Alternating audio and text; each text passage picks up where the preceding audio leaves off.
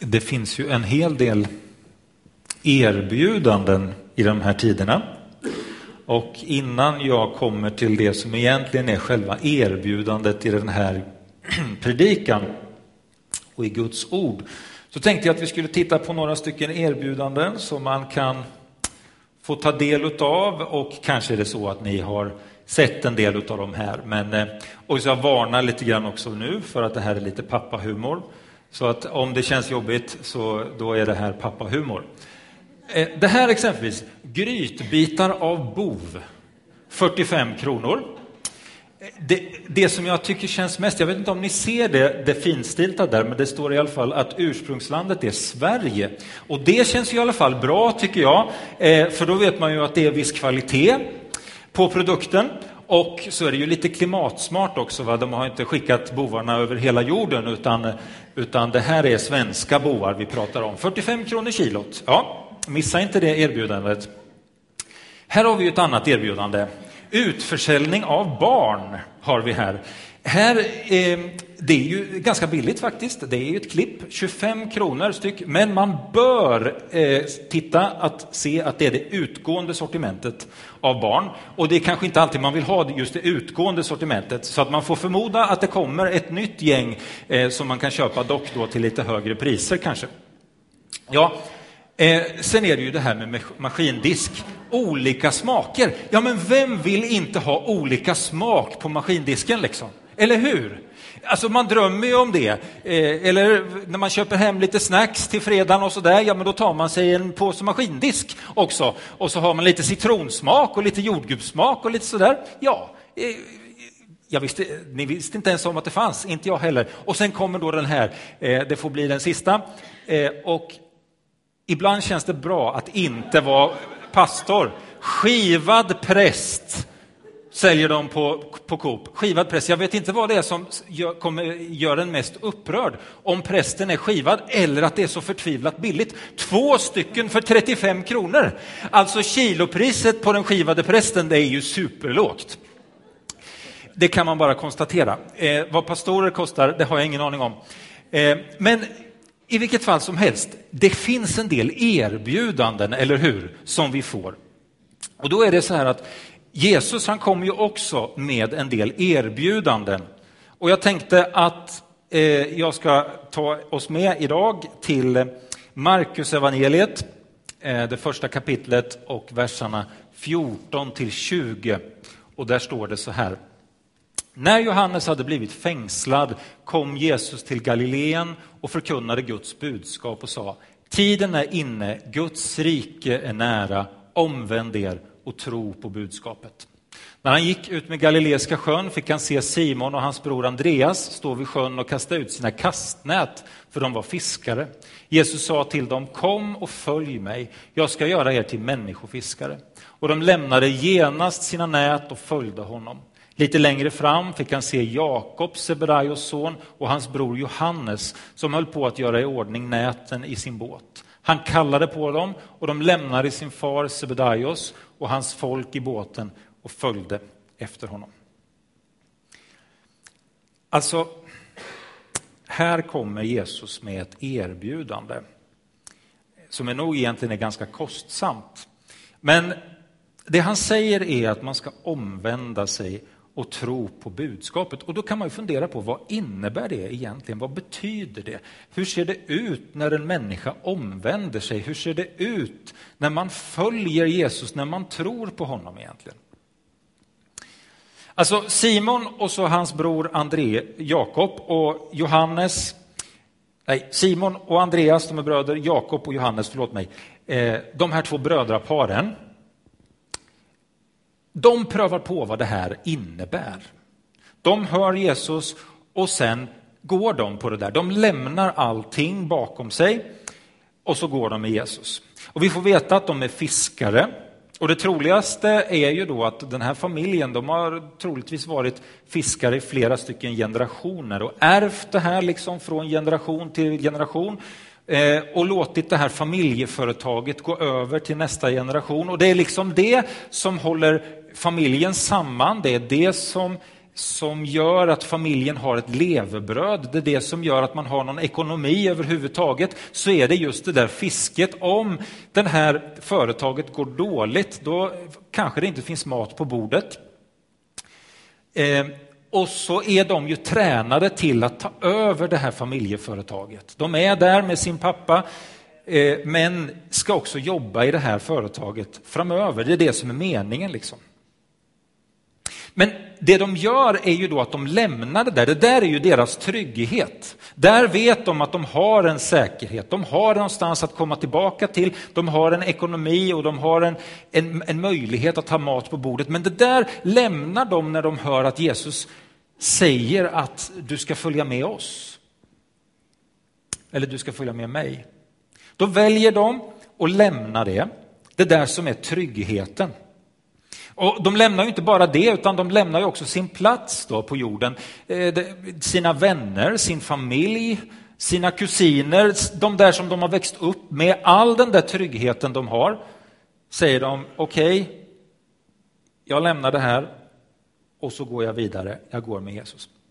Och jag måste säga att när jag läser de här, jag, jag, jag blir aldrig riktigt klok på det här. Jag, varenda gång så, så tänker jag så här, men, men hur är det egentligen möjligt? Liksom? Hur, hur, kan man, hur kan man fatta det beslutet? Där och då Jesus säger någonting bara och så bara pang, ja, ja, men då lämnar vi allt och så går vi med, med dig Jesus. Vilket intryck Jesus måste ha gjort på de här människorna. Så starkt det måste ha upplevts när Jesus sa det, för annars skulle de ju aldrig ha lämnat det.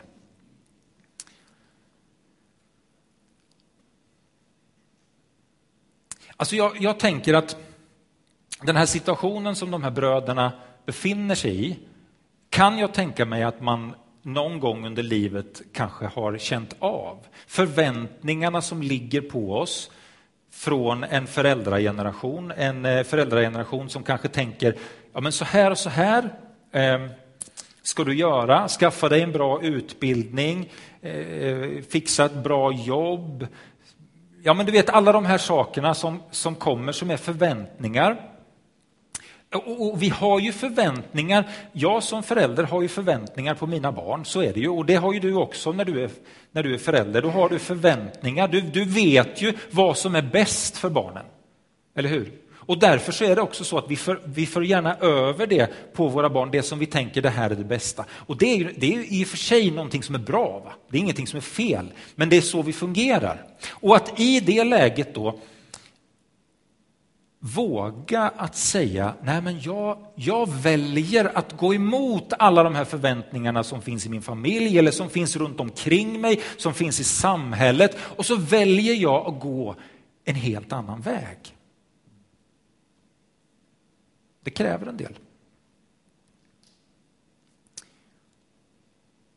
För eh, de här människorna, de här bröderna, deras val som de gjorde, de fick ju stora konsekvenser för, för människor som de älskade. Och ändå så väljer de liksom att lämna allt. Att följa Jesus var ju någonting som kostade väldigt mycket för dem. Men också någonting som var väldigt konkret. Det var ju egentligen ganska enkelt att följa Jesus då. Det var inte så svårt. Han gick upp och så gick han någonstans och då följde man efter honom. Det var ju på ett sätt kanske enklare än vad det är idag.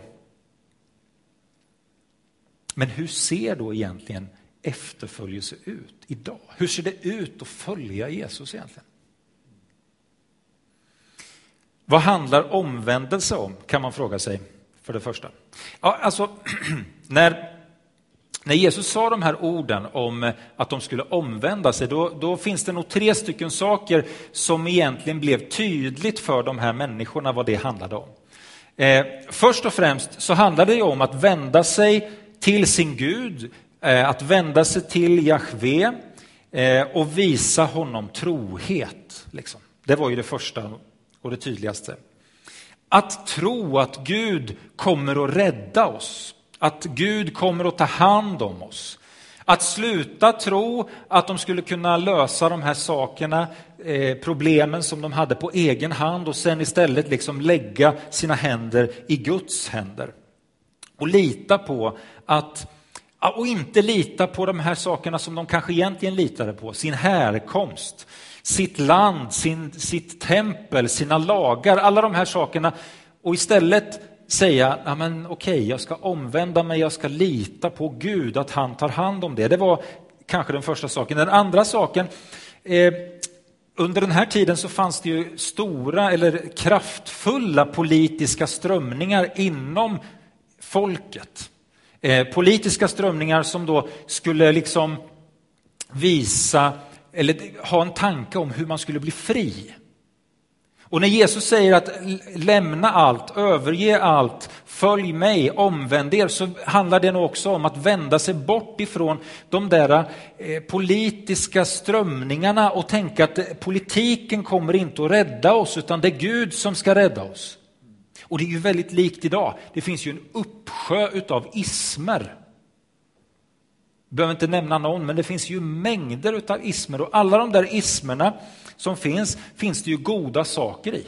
Ja, och ofta har de stulit en hel del från evangeliet. Och så har de gjort en ism av dem. Och, och, så tänker vi människor att det där är bra. Det där behöver vi få mer utav i samhället. Det där behöver vi få in mer i vårt tänkande. Men när Gud kallar oss så kallar han oss också faktiskt för en omvändelse från det till att följa honom. Någonting som står högre än det och som når mycket längre. Inte någonting som vi människor har kommit på som en smart lösning utan det som Gud har för hela världen och för hela mänskligheten. Alltså det finns inga ismer som kan rädda en enda människa, men det finns en frälsare som kan rädda alla människor. Och han heter Jesus Kristus och det är honom vi omvänder oss till. Amen. Och den tredje saken då, att upphöra med synder och följa Guds lagar. Ja, det är också en sak i omvändelsen. Att, att välja bort en väg som, som inte hör ihop med det som Gud vill och istället välja en väg där man går med Gud. Där man tror på honom, litar på honom och bygger sitt liv utifrån de saker som han har sagt. Det var, nog, det var ungefär vad, vad omvändelsen betydde för dem. Omvändelsen är ju också då tydligt kopplad till tro, att tro på evangeliet, att tro på det som Jesus säger. För det här är ju alltid det första och det viktigaste steget. Att tro, att våga ta ett steg. För det är ju så här när vi läser om de här personerna så inser vi ju ganska snart att de, de får ju inte till allting rätt. Utan det blir ju ganska så, ja, det blir ganska knasigt. Ganska mycket fel blir det. De tänkte gott om sig själva, lite mindre bra om andra. Och ibland så visar de att de inte alls riktigt förstod det som Jesus faktiskt hade sagt och det han hade predikat om. Det är inte alltid det att det blir rätt när man följer Jesus. De gjorde många saker som var rätt, men de gjorde en hel del saker som, som inte alls riktigt hörde hemma. Men de fortsatte att gå med honom. De fortsatte att lita på honom.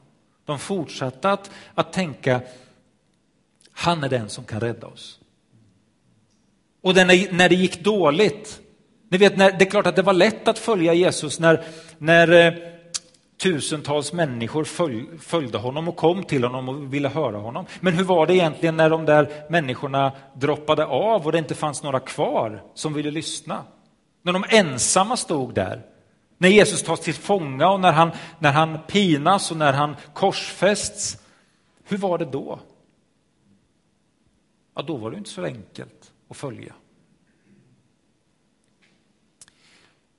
Men hur gör man egentligen detta? Hur följer man Jesus? Hur lever man i omvändelse?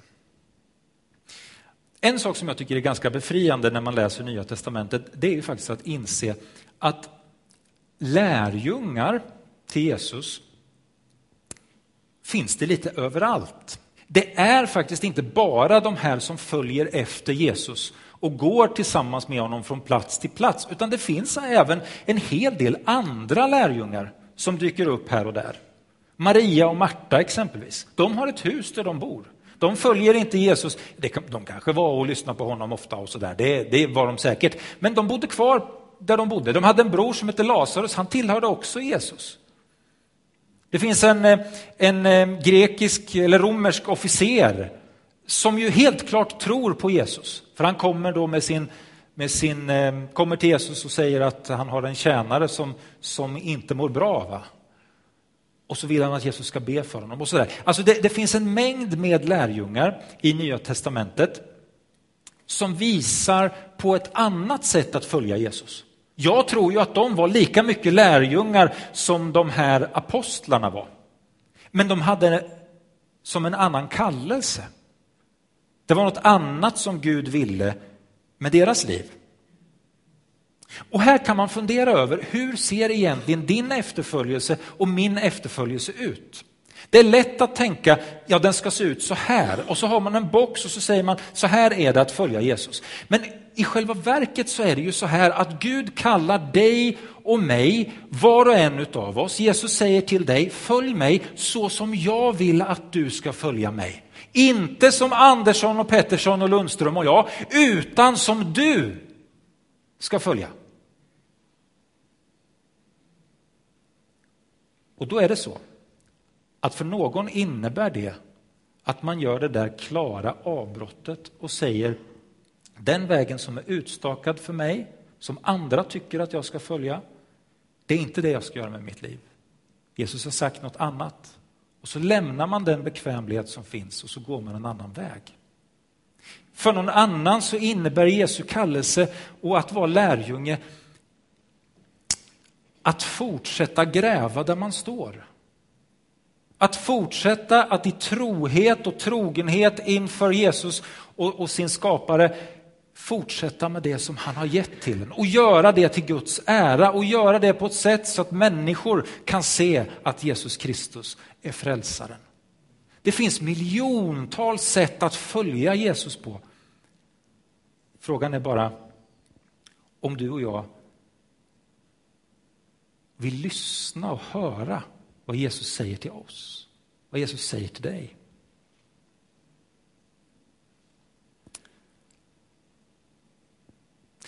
Alltså ibland så tänker jag väl att vi målar upp en bild på att följa Jesus, det ska alltid kännas bra. Eh, och man kan, man kan tänka sig att... Ja, där ska vi ta sen. Man kan tänka sig att ibland så, så är det lite som den där hunden. Va? Eh, man, ska vara, man ska liksom tycka att åh, vad underbart härligt det är livet med Jesus och det är så härligt och det är så underbart att vara en Jesu lärjunge. Och det finns ju dagar som är så där. Jag är ju helt säker på att lärjungarna tycker att det var precis så där. Du vet när de var på den där, när de hade 10 000 människor eller hur många det nu var och så började de dela ut bröd och fiskar. Och du vet när de samlar ihop allt det där efteråt. Jag är ganska säker på att de, de tycker Wow! Det, det här är grejer! Det här är inte dåligt alltså. Eller, eller när de kommer då till Lazarus så har han varit död där i graven. Och Jesus säger, eh, vält bort stenen. Och alla bara liksom, eh, nej, inte va? Jo, säger Jesus, vält, vält undan stenen. Och så kommer Lazarus ut. Ja, men jag tror att de var ju helt taggade, vet du. Jag kan ju bara se hur de bara, ho, ho, ho, ho! Och det hade du också varit, så, så svensk du är. Jag tror det. Fast vi kanske hade varit lite mer försiktiga och sagt åh. Prisat var det Herren. Tack. Ja, men hur det nu är. Men jag tror att de tyckte ungefär och tänkte ungefär så här. Men sanningen är den att följa Jesus kan också kännas lite grann så här. Va? Vissa dagar när man vaknar känner man sig inte alls speciellt helig. Man känner sig inte alls så speciellt kristen. Man tycker inte att Jesus är speciellt nära. Man tycker att det är ganska kämpigt. Det är liksom som att man har någon strut på huvudet som gör att man liksom inte riktigt får kontakt. Och det känns som att det regnar och det är bekymmersamt. Så är det också vissa dagar när man följer Jesus.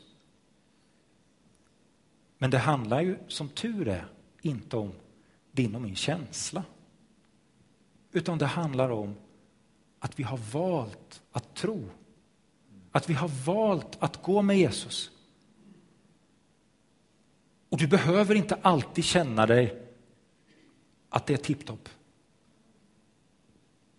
För att även de dagarna när det ser ut så där så är det som Jesus har gjort för dig, det är lika sant. Sen kan man ju vara lite grann så där också. Jag vet inte riktigt om det, se, det syns lite dåligt, men, men, känslan i den där bilden när jag tittar på den förut i alla fall, det var ungefär så här, oh, oh. Jag hoppas inte det var någon som såg det där. Eh, så kan det vara också ibland när man följer Jesus, eller hur? Man gör en del saker som man tycker funkar ganska bra och sen så kommer det en del saker som man tänker oj, oj, oj, oj, oj, oj, oj. nu var det väl inte ändå någon som såg det här. Det, är in, det skulle inte vara så bra. Men grejen är den att vi tappar inte greppet. Vi håller kvar vid honom som har frälst oss. Vi fortsätter att gå med honom. De dagarna när vi tycker att oh, det är underbart, de dagarna när det regnar och det är jobbigt och det är svårt att följa Jesus. Och de där dagarna när vi känner att oh, nej, nu misslyckades jag, det här var inte bra. Så håller vi kvar. Hebreerbrevet 10, 32-27 29-32 står det så här. Kom ihåg hur det var förr när ni nyss hade blivit upplysta. Ni utstod många svåra lidanden, ni blev smädade och förföljda och gjordes till allmänt åtlöje. Eller också ställde ni er vid deras sida som behandlades så. Ni led tillsammans med dem som satt i fängelse och ni fann er med glädje i att bli berövade er egendom därför att ni visste att ni ägde något bättre och mera varaktigt. Ge inte upp er frimodighet, den ska rikligen belönas. Uthållighet är vad ni behöver för att kunna göra Guds vilja och få vad han har lovat. Ty ännu en liten tid, sedan kommer han som ska komma och han ska inte dröja. Min rättfärdige ska leva genom tro, men om han drar sig undan är han inte längre till glädje för mig. Vi hör inte till dem som drar sig undan och går förlorade, utan till dem som tror och räddar sitt liv. Ja, det där är vad, vad efterföljelse handlar om. Det där är vad omvändelse handlar om att inte dra sig undan från Jesus. Utan att vara nära. Vi hör inte till dem som drar oss undan, utan vi hör till dem som grabbar tag om Jesus, håller oss nära honom och tänker vad som än händer så släpper jag aldrig taget om dig. Aldrig! Det är vad tro är. Det är vad efterföljelse är. Det är vad omvändelse är. Att ständigt tänka Jesus, hjälp mig.